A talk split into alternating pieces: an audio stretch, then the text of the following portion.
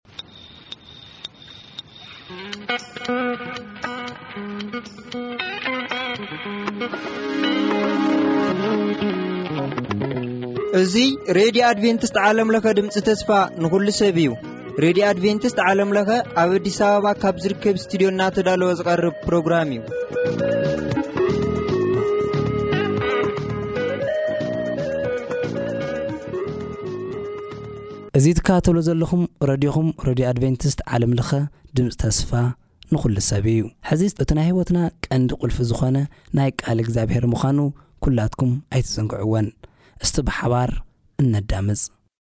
ኦም በለስ ዘይዕምብበሉ ንዘይፈሪ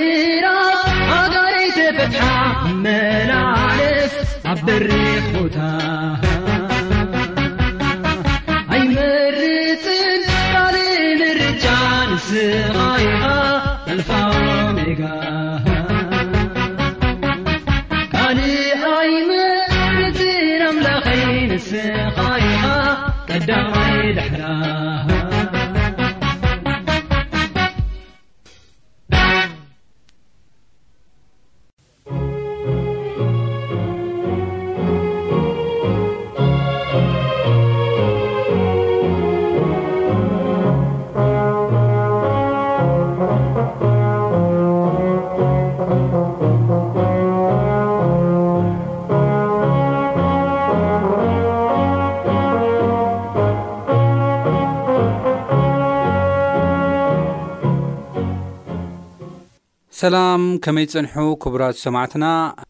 ሎሚ ውን በቲ ኣብ ማቴዎስ ምዕራፍ ሽዱሽተ ናረኣናዮ ዘለና የሱስ ክርስቶስ ንደቀ መዛሙርቱ ዘምሃሮም ጸሎት ናቱ መቐጸልታ ኢና ሒዝናልኩም ቀረብ ኣብ ዝሓለፈ ናይ ቃል ግዜያትና ኣብ ሰማያት ትነብር ኣቦና ብዝብል ተንቲና ነርና ድሕሪ እውን ሕልፍ ኢልና ጀመርናዮ ኣርእስቲ ኣሎ ንሱ ድማ ስምካ ይቀደስ ብዝብል ኢና ርኢናዮ ማለት እዩ ስምካ ይቀደስ ስም ማለት እንታይ ማለት እዩ ብዝብል ኣብ ዝሓለፈ ናይ ቃል ግዜና ርኢናዮ ነርና ሎሚ ከዓ ይቀደስ ብዝብል ቃል ኢና ክንርኢ ንምዝኽኻር ዝኣክል ግን ኣብ ዝሓለፈ ብዛዕባ ስም ኣብ ንርእየሉ እዋን ስም ህያው ምዃንካ ዘርኢ እዩ ስም ስልጣንካ ዘርኢ እዩ። ስም ዝናኻ ወይ ህቡብነትካ ዘርኢ እዩ። ስም ባህሪኻ ወይ ድማ ናትካ ስብእና ማንነትካ ዝዛረብ እዩ። ስለዚ ብዛዕባ ናይ እግዚኣብሔር ስም ኣተሓሒዝና ክንሪኦ ከለና ድማ እግዚኣብሔር ኣምላኽና ስምካ ይቀደስ ኢልና ክንጽውዖ ከለና ኣብ ሰማያት ትነብር ኣቦና ስምካ ይቀደስ ክንብሎ ከለና እግዚኣብሔር ህያው እዩ እግዚኣብሔር ስልጣን ዘለዎ ኣምላኽ እዩ እቲ እግዚኣብሄር ዝብል ሽሙ ንባዕሉ ተርጊምናዮ ነና ናይ ብሄራት ገዛኢ ዝኾነ ናይ ብሄራት ኣምላኽ ዝኾነ ኣምላኽ እዩ ንሱ ጥራሕ ኣይኮነን ኣብ ዘፀኣት ምዕራፍ ዕስራ ፍቕዲ ሸሞንተ ክሳብ ዓሰርተ ሓደ ከይና ንሪኦ ኣለዋንስ እግዚኣብሄር ፈጣሪን ሰማይን ምድርን ኣብኡ ውሽጡ ዘሎ ብምሉእ ዝፈጠረን ጎይታ ምዃኑ በዓል ስልጣን ኣምላኽ ምዃኑ ዘርኢ እዩ ማለት እዩ ስምዝናናን ህቡነትናን ዘፍለጥ እዩ እዚ ኣብ መክብብ ምዕራፍ ሸውዓተ ፍቕዲ ሓደ ዝረኣናዮ እዩ እንታይ እዩ ዝብል ካብ ጽቡቕ መኣዛ ሽታ ጽቡቕ ሽም ይሓይሽ ጽቡቕ ሽም ይበልጽ ዝብል ነገር ኣለዎ እሱ ድማ እንታይ እዩ ዘርእየና ዝናኻ ማንነትካ ሰብ ብዛዕባኻ እንታይ ይብሉ ብዝብል ዝናኻ ዝውስን እዩ ማለት ሽም ሓሊፉ እውን ስም ባህሪ ወይ ስምእና ዘመላኽት ኢልና ነርና ናይ እግዚኣብሄር ባህሪ ናይ እግዚኣብሄር ስብእና ዘመላኽት እዩ ያህወ ዝብል ሽሙ እግዚኣብሄር ፈቃር ምዃኑ፣ ኪዳኑ ዘይጠልም ኣምላኽ ምዃኑ ዘርኢ ንሱ ጥራሕ ዘይኮነ እቲ ንሱ ዝለኣኾ ክርስቶስ የሱስ እውን ባዕሉ እቲ ትርጉሙ መድሃኒ ብእግዚኣብሄር ዝተቐበ መድሃኒ ንዓና ንምድሓን ዝመፀ መድሃኒ ከም ዝኾነ እቲ ትርጉሙ ኢና ንርኢ እዚ ከዓ ናይ እግዚኣብሄር ፍቕርን ባህርን ስብእናን ዘርእየና እዩ ንሱ ከዓ ንናይቲ ኣቦኡ ባህሪ ከም ዝተረኾ ኢና ንርኢ ሓደ ግዜ ካብ ደቀ መዛሙርቲ ሓደ ጠይቕዎ ነይሩ ኣቦ ኣርእና እሞ ተርእኸናስ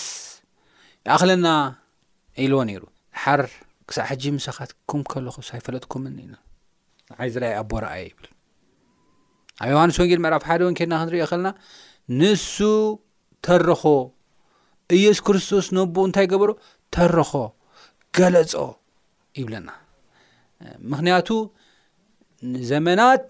ሰይጣን ዘይስሙ ናሃበ ዘባላሸ ምስሊ መፅዩ እቲ ሽሙ እንታይ ገበሮ ገለፆ እግዚኣብሄር እግዚኣብሄር ከም ዝኾነ ፈቃር ምዃኑ ህያው ምዃኑ ከምቲ ሰይጣን ዝብሎ ዘይኮነስ እግዚኣብሄር ፍሉይ ምዃኑ ኣርኣየ ይብለና ማር ሎሚ ከኣ እንሪኦ ሓሳብ እዚ ምናልባት ኣብ ዝቕፅል ሓሳባትና ክንተናኸፎ ኢና ብሰፊሑ ሎሚ ግን እንሪኦ ሓሳብ ስምካ ይቀደስ ዝብል እዩ ቅድስና ቅድስና ማለት እንታይ ማለት እዩ ክንብል ከለና ቅድስና ማለት ወይ ድማ ምቕዳስ ማለት ምፍላይ ማለት ምፍላይ ጥራሕ ግን ኣይኮነን ምቕዳስ ማለት ንቕዱስ ነገር ምፍላይ ንዝተቐደሰ ርኹስ ንዘይኮነ ነገር ንሰናይ ነገር ምፍላይ ወይ ድማ ዝተፈለየ ነገር ማለት እዩ ትርጉሙ ምፍላይ እዩ ግን ንቅዱስ ን ዝኾነ ነገር እዩ ምክንያቱ ምፍላይ ክንብል ከለና ጀነራል ተርም እዩ ሓደሓደ ሰብ ንሕማቅ ዎን ክፍለ ይኽእል እዩ ንፅቡቅ ውን ክፍለ ይኽእል እዩ እሞ ቅድስና ምፍላይ ክንብል ከለና ንቕዱስ ተግባር ምፍላይ ከም ዝኾነ ኢና ንርኢ ስለዚ ኣብ መጽሓፍ ቅዱስ ምስ ቅድስና ተተሓሒዙ ብዙሕ ዝተዛረበ ነገር ኣሎ ንኣብነት ሙሴ ኣብ ዘፃት መራፍ ሰለስተ እግዚኣብሄር ኣብ ማእኸል ቁጥቋጥ ሓዊ ክረኣዮ ከሎ እዛ ደው ኢልካላ ዘለካ ምድሪ ዝተቐደሰት ምድሪኣ ክብሎ ከሎ ኢና ንርኢ ስለዚ ጫማኻ ካብ እግርኻ ኣውፅእ ክብሎ ከሎ ንርኢ ማለት እዩ ስለዚ ዝተቐደሰት ምድሪ እያ ካብ ምንታይ ዝተላዕለ ካብ እግዚኣብሔር ዝተላዕለ ካብ እግዚኣብሔር ዝተላዕለ ዝተቐደሰት ምድሪ እያ ክብለና ከሎ ኢና እግዚኣብሔር ስለ ዝዓረፈላ ሓሊፉ እውን ኣብ ዘለዋን ምዕራፍ 23 ከምኡውን ኣብ ዘፃኣት ምዕራፍ 1216 ከዓ ዝተቐደሰ ጉባኤ ይኹነልኩም ክብል ከሎ እዩ ንርኢ ዝተቐደሰ ጉባኤ እዩ እግዚኣብሔር ዝኸብረሉ እግዚኣብሔር ዘለወሉ ጉባኤ ማለት እዩ እግዚኣብሄር ልዕል ልዕል ዝብለሉ ጉባኤ ማለት እዩ ቅዱስ ኣልባሳት ከዓ ክብል ከሎ ከዓ ኣብ ዘፃት ምዕራፍ 28 ፍቅዲ 4 ናይቶም ካህናት ኣልባሳት ድማ ቅዱስ ኣልባሳት ኢሉ ክፅውዑ ከሎ ኢና ንርኢ ማለት እዩ ከምኡውን ብዙሕ ብዛዕባ ቅድስና ኢና ንርኢ ማለት እዩ ስለዚ ቅድስና ማለት ምፍላይ ዝተፈለየ ብፍላይ ምስ እግዚኣብሔር ተታሒዙ ዝፍለ ነገር ንቅዱስ ነገር ንዝተፈለየ ነገር እዩ ዘርኢ ማለት እዩ ስለዚ ናብቲ ናይ እግዚኣብሔር ማንነት ክንመፅእ ከለና እግዚኣብሔር ኣምላኽና ፍሉይ እዩ ቅዱስ ኣምላኽ እዩ ሓጢኣት ዘይትንክፎ ዓመፅ ዘይትንክፎ ኣምላኽ እዩ እንዲያም ኣብ ኩሉ ግዜ ዘንብቦ ጥቕሲ ኣለኒ ኣነ ዝፈትዎ ጥቕሲ ኣብ ዘዳግም ምዕራፍ 32 ፍቕዲ ኣርባዕተ ኩሉ መንገዲ ፍርዲ እዩ እሞ ዛዳግም ምዕራፍ 32 ፍቕዲ ኣርባዕተ ኩሉ መንገዲ ፍርዲ እዩ እሞ እቲ ከውሒ ግብሩ ፍጹም እዩ ዓመት ዘይብሉ ኣምላኽ እምነት ይብለና እዚኣ እዩ ዘለኹ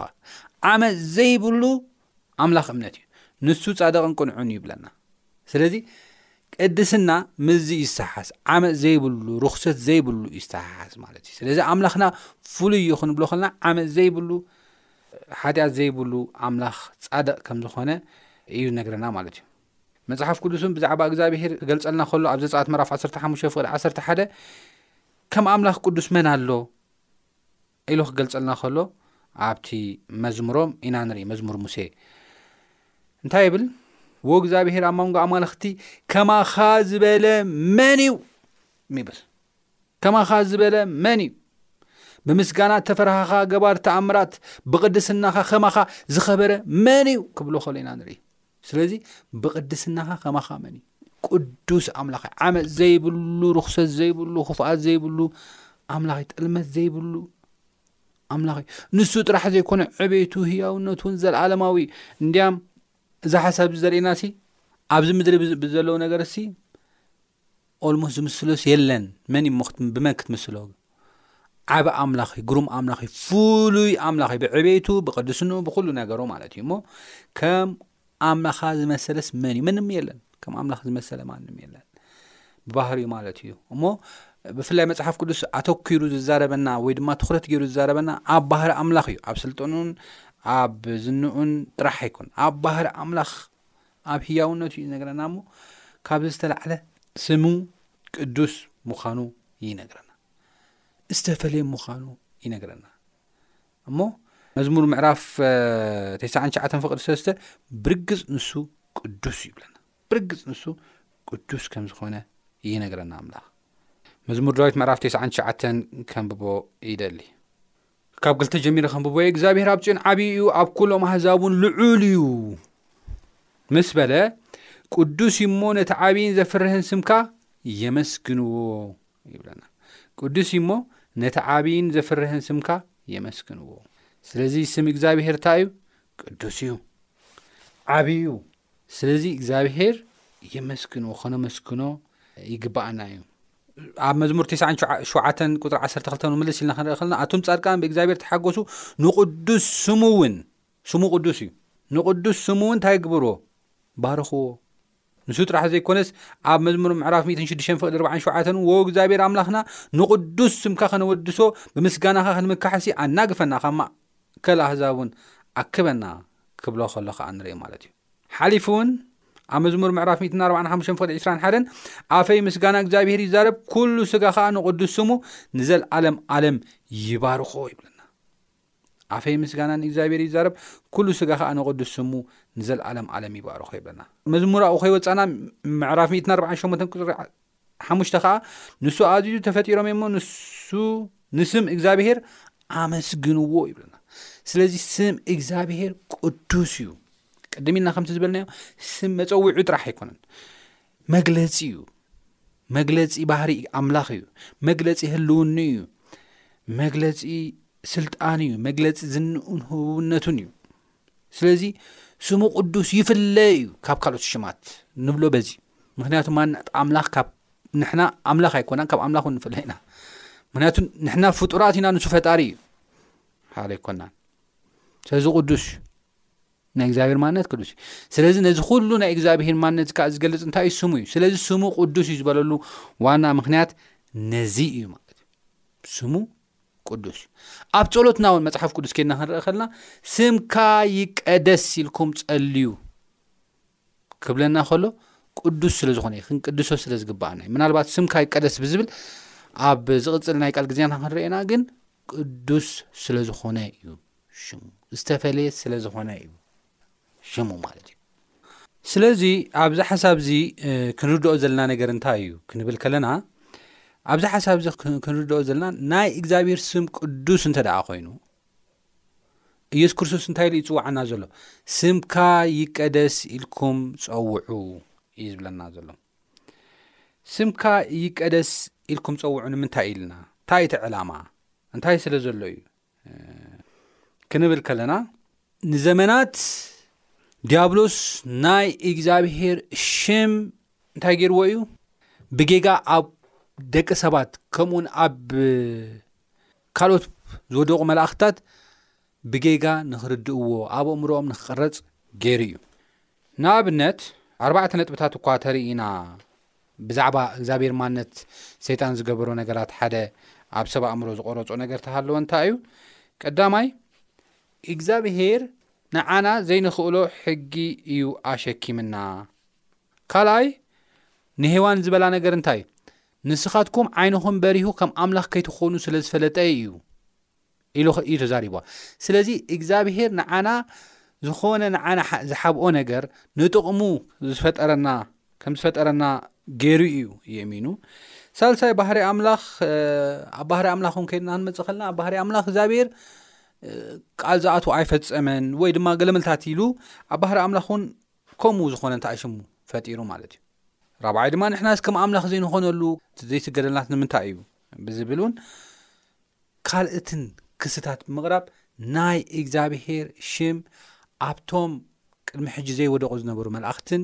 ድሓር ሓጢኣት ንምስርሖም ዝወደቑን ከምኡ ውን ኣብ ደቂ ሰባትን ብሰፊሑ ቀሪጹ እዩ ሕጂ ኣብ ደቂ ሰባት ብዛዕባ እግዚኣብሄር ብሰፊሑ ዝረኣየ ኣመላኻኽታ እንታይ እዩ ሓደ እግዚኣብሄር ጨካን እዩ ብዝብል ሰብ ክምልከትዎ ከሉ ይርኢ ኣነ በቃ ጨካን እዩ እንዲያም ሓደ ሓደ ግዜ ዝሞተ ሰብ ሓጢኣት እንተ ሰሪሖ መጀመርያ ናብ ዝሑል ድሓር ናብ ምዉቕ እናእተወ ዘሳቂ እዩ ብናይ ስቓይስ ደቂ ሰብ ዝሕጎሱ ኢሎም ክዛረቡ ከለዉ ይርኢ መፅሓፍ ቅዱሳዊ ግን ኣይኮነን ናይ እግዚኣብሔር ባህሪ ግን ኣይኮነን ምክንያቱ ኣብ ማቴዎስ ምዕራፍ 25 ኬና ክንረእ ከለና እግዚኣብሄር ንደቂ ሰባት ብዘለኣለም ፍቕሪ ይፍቂርዎም ካብዚ ዝተላዕለ ንዕኦም ዝተዳለወ ኢቭ ነቶም ሓጢኣት ሰሪሖም ምስ ኣምላኽ ክንነብር ኣይንደልን ኢና ኢሎም ዝወሰኑ ሰባት እኳ ንዕኦም ተባሂሉ እኳ ዝተዳለወ ሓዊ ከም ዘየለ እዩ ዝነገረና ማቴዎስ ምዕራፍ 25 መጨረሻ በቃ ንኣምላኽ ዝጸልኡ ሰባት ምስ ኣምላኽ ክነብሩ ዘይደልዩ ዘለኣለም ህይወት ዘይደልዩ ሰባት እኳ ናብቲ ንዲያብሎስን ንመላእኽቱን ዝተዳለወ ሓዊ እዮም ዝኸዱ እዚ እንታይ እዩ ዘርእየና ንዓና ኢሉ ዝተዳለወ ሓዊ እኳ ከም ዘየለ እዩ ዝነግረና ማለት እዩ ኣሽንኳይ ናብ ሓዊ እትዩ ናቐልዐ ናብዚ ናጠባበሰ ዘንብረና ይትረፍ ንዓና እኳ ዘዳለዉ ሓዊ ከም ዘይብሉ እዩ ዝነገረና ማለት እዩ ካልኣይ ኣብ ደቂ ሰባት ዝርኦ ነገር እንታይ እዩ ከምዚ ኣርዑት ገይሩ ዝሃበና ዘይንኽእሎ ኣርዑት ዘሸከመና ገይሮም ዝወስድዎ ሓሳብ እውን ይርኢ ብዋ እግዚኣብሄር ሕጊ ፅዒንና ንሕና ዘይንኽእሎ ኣርዑት ኣሸኪምና ኢሎም ክዛረቡ ከለዎ ከዓ ርኢ ብዛዕባ ናይ እግዚኣብሔር ሕጊ ክዛረቡ ከለዎ ማለት እዩ ግን መፅሓፍ ቅዱስ እንታይ እዩ ዝብል ኣብ ቀደማ ዮሃንስ ምዕራፍ ሰለስተ ሕጉ ከቢድ ኣይኮነን ይብለና ሕጉ ከቢድ ኣይኮነን ቀሊል እዩ ሕጉ ባህሪ ኣምላኽ እዩ ዝገልፅ ሕጉ ቅዱስ እዩ ሕጉ ሰናይ ክብል ከሎ ሮሜ ኣብ ጳውሎስ ኣብ ሮሜ ዝፅሓፎ ፅሑፋት ብዙሕ ኢና ንርኢ ኣብ ሮሜ ምዕራፍ ሰለስተ ከድና ንርኢ ኣለዋን ማለት እዩ ሕጉ ሰናይ ክብሎ ከሎ ኣብ ሮሜ ምዕራፍ ሸውዓተ ሕጉ ቅዱስ እዩ ክብሎ ከሎ ኣብ ሮሜ ምዕራፍ ሸውዓተ ንርኢ ማለት እዩ ንሱ ጥራሕ ዘይኮነ ከቢድ እውን ኣይኮነን ክብል ከሎ ዮሃንስ ኣብ መልእኽቱ ኣብ ቀዳማ ዮሃንስ ንርኢ ማለት እዩ ስለዚ እዚ እውን ጌጋ እዩ ማለት እዩ ሰባት ሰ ኢሎም ሕጊ ንዓና ፅዒንና ዘይንኽእሉ ኣርዑት እዩ ብሕጊ ኣይኮነን ሓደ ሓቂ ከሎ መጀመርያ ታ ቀዳማ ዮሃንስ ከንብባ ሞ ሓርቲ ሓቂ ክዛርብ እደሊ ኣብ ቀዳማ ዮሃንስ ምዕራፍ ሓሙሽተ ቁፅሪ ሰለስተ ፍቕሪ ንኣምላኽ ትእዛዙ ክንሕሉ ይብለና ቀዳማይ ዮሃንስ ምዕራፍ ሓሙሽተ ፍቕዲ ሰለስተ ፍቕሪ ንኣምላኽ ትእዛዙን ንክንሕሉ እዩ እሞ ትእዛዙን ኣይከቢድን እዩ ኣሽንኳይ ርዑት ክኸውን ኣይከቢድን እዩ ቀሊል እዩ ሮሚ ምዕራፍ ሸውዓተ ካ ቅዱስ እዩ ሰናይ ይብለና ግን ሰባት ኣርዑት ክብልዎ ከለዉ ኢና ንርኢ እዚ እውን ናይ ሰይጣን ምትላል እዩ ናይ ሰይጣን ፕላን እዩ ስም ኣምላኽ ንምብልሻው ማንነት ኣምላኽ ባህሪ ኣምላኽ ብካልእ ንክሰኣል ዝገብር እዩ ፈቃር ዝኾነ ኣምላኽ ከመይ ገይሩ እዩ ኣርዑት ዝበና ንዓና ፈቃር ዝኾነ ለዋህ ዝኾነ ኣምላኽ ንሕና ዘይንኽእልኦ ከመይ ገይሩ እዩ ዘሸክመና ኣሽንኳይ እቲ ሕግታቱ ኣርዑት ገይሩ ከሸክመና ይትረፍ ብሓጢኣትና እነምፅኦ ፈተና እኳ ብሓጢኣትና ብሽግርና ብዘይምእዛዝና ንኣምላኽ ኣይንሰምዕን ኢልና ብምኻድና ናብ ሂወትና እንዕድሞ ፈተና እኳ ተለኪዑ ናባና ክመፅእ እዩ ዝገብር ተለኪዑ ናባና ክመፅእ ካብ ዓቕምና ንላዕሊ ንኸይከውን እዩ ፕሮቴክት ዝገብር ይገርም እዩ ቀዳማይ ቆሮንቶስ ምዕራፍ 1 ቁፅሪ 13 ኸና ክንርኢ ክልና እንታይ ይብል ሰብ ክፀሮ ዘይክእል ፈተና ኣይበፅሓኩምን ይብለና ኣምላኽ እሙን እዩሞ ምስ ፈተናኹም ምፅዋሩ ምእንቲ ክትክእሉስ መውፅኢ ገይሩልኩም ኣሎ ካብ ዓቕምኹን ኒዮ ክትፍተኑ ኣይሓድገኩምን ይብለና ኣብ ፈተናና እኳ ኣብ ሽግርና እኮ ሰይጣን ክፍትነና ንዓና ክውሕጠና ኢሉ ብዝመፅ ብዘምፅኦ ማዕበላት እኳ ንዓና ኣይሓድገናን እዩ ፈተና ኩሉ ግዜ ምሳና እዩ ኣሽንኳይ ኣርዑት ከሸክመና ይትረፍ ከምኡ ከይኮን ስለዚ እዝን ካልኦትን ኣብ ደቂ ሰባት ዝረኣዮም ናይ ሴጣን ሓሳብ ኣብኦም ሰሪፁ እንታኣሽሙ ክገብሩ ከሉ ክዛረቡ ከሉ ብፍላጥ ኮነ ብዘይፍላጥ ንርኢ ማለት እዩ ኣምላኽ ባህሪ እዩ ፍፁም እዩ ስሙ ቅዱስ እዩ ስለዚ ከምዚ ዓይነት ከምኡ ካልኦት ባህርያታት ኣምላኽ ሰይጣን ከባላሽዎ ከሎ ኣብ ደቂ ሰባት ካሊእ ነገር ክቐርፅ ከሎ ኢና ንርኢ ካልእ ንዋ ንሱ ጥራሕ ድዩ ዝስገደሉ ንሱ ጥራሕ ድ ኣምላኽ ካልኦት እውን ኣምላኽ ኣሉ ንካልኦት ደይ ንሰግድ ዝብሉ ሰባት ከ ኣለዉ ንሕና ንኣምላኽ ንሰግደሉ ዋና ምክንያት ኣለና መፅሓፍ ቅዱስ ኣለና መፅሓፍ ቅዱስ እውን ዘቐመጠልና ነገር ካል እግዚኣብሄር እውን ባዕሉ ዘቐመጠልና ነገር ኣሎ እዩ። እንታይ እዩ እቲ ንኣምላኽ ክንሰግደሉ ዘለና ሓደ ዓብዪ ነጥቢ እንታይ እዩ? ንኣምላኽ እንሰግደሉ ንቕዱሳት መላእኽቲን ንቕዱሳት ሰባትን ክንሰግደሉ ዘይግባእ ነጥቢ እንታይ እዩ? ኣብ መፅሓፍ ቅዱስ እንተ ኢልና ኣምላኽ ፈጣሪ እዩ፣ እቲኦም ግን ፍጡራት እዮም። በቃ መላእኽቲ በሎም ከምኡውን ቅዱሳት ሰባት ንብለሎም ማለት እዩ። ስለዚ ምንም ብምንም ተኣምር ፈጠርቲ ኣይኮኑን ፍጡራት እዮም። ንዑይ ኣብ ዝፃት መራፍ ዕስራ ፍቕዲ ሸሙንተ ክሳብ ዓሰርተ ሓደ ከድናብ ንሪእየኣለዋን ሰማይን ምድርን ዓይኒ ማያትን ዝፈጠረ ንሱ እዩ ይብለና ቀፂሉ ከ ኣብ ራእይ ምዕራፍ ዓሰርተ ኣርባዕተ ፍቅዲ ሸውዓተ ከ ከድና ኣብ ንሪእየ ኣለዋን ነቲ ሰማይን ምድርን ባሕርን ዓይኒ ማያትን ዝፈጠረ ንዕኡ ስገድሉ ክብሉ ክብሪ እውን ሃብዎ ክብለና ከሉ ንርኢ ማለት እዩ ስለዚ ንሕና ንኣምላኽ ንሰግደሉ ንካልኦት ዘይንሰግደሉ ዋና ምክንያት ፈጣሪ ኣምላኽ ስለ ዝኾነ እቲኦም ግን ፍጡራት ስለ ዝኾኑ እዩ ካልእ ምክንያት የለን ሓደሓደ ግዜ ነዚ ምክንያት ንምሃብ ናይ ክብሪ ስግደት ከምኡ ዝበሃል የለን ኣብ መፅሓፍ ቅዱስ ናይ ክብሪ ስግደት ዝበሃል የለ ናይ ገለ ዝበሃል የለን ንሱ ጥራሕ ኣይኮነን ኣምላኽ ከመይ ጌርና እንተ ሽሙ ንብሎ ዓቢ እንድዩ ንሕና ከመይ ጌርና ኣብ ቅድሚኡ ንቐርብ ስለዚ ካልኦት ዘማሉና ዝልምኑና ሰባት የድልየና እዩ ይብሉ እዮም ኣምላኽ እቲ ዘቐመጦ መንገዲ ናብኡ ንክንበፅሐሉ ዘቐመጦ መንገዲ እወ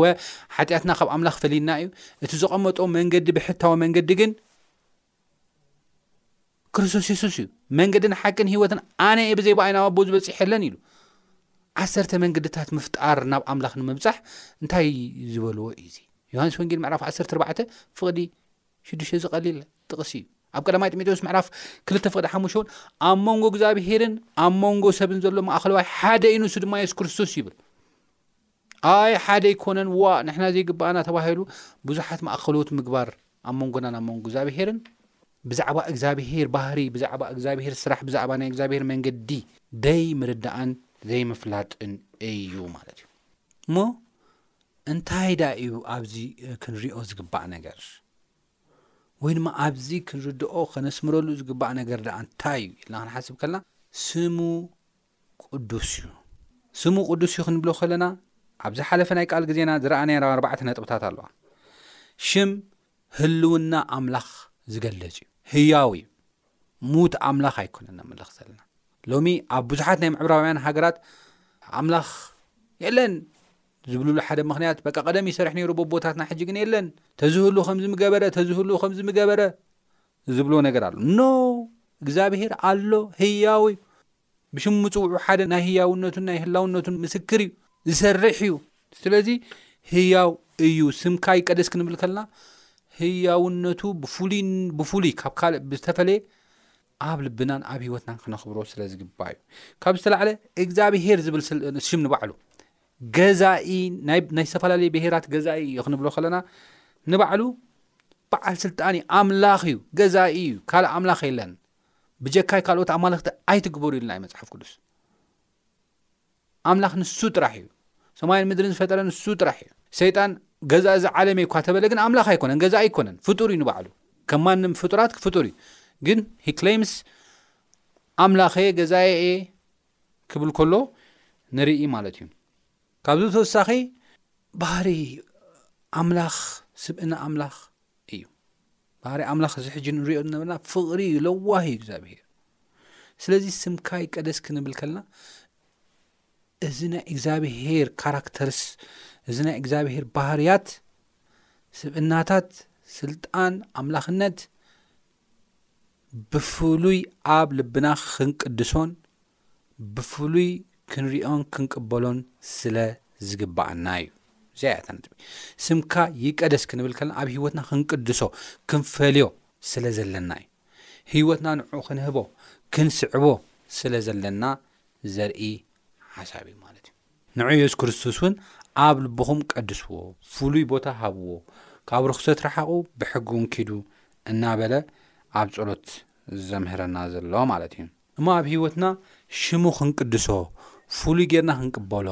ኣብ ሕይወትና ከነኽብሮ እግዚኣብሔር ጸግኡ የብዝሓልና እናበልኩ ኣብ ዝቕጽል ናይዚ መቐጸልታ ሒዘልኩም ክቐርብ እየ ክሳብ ዝቕጽል ሰላም ኩኑ።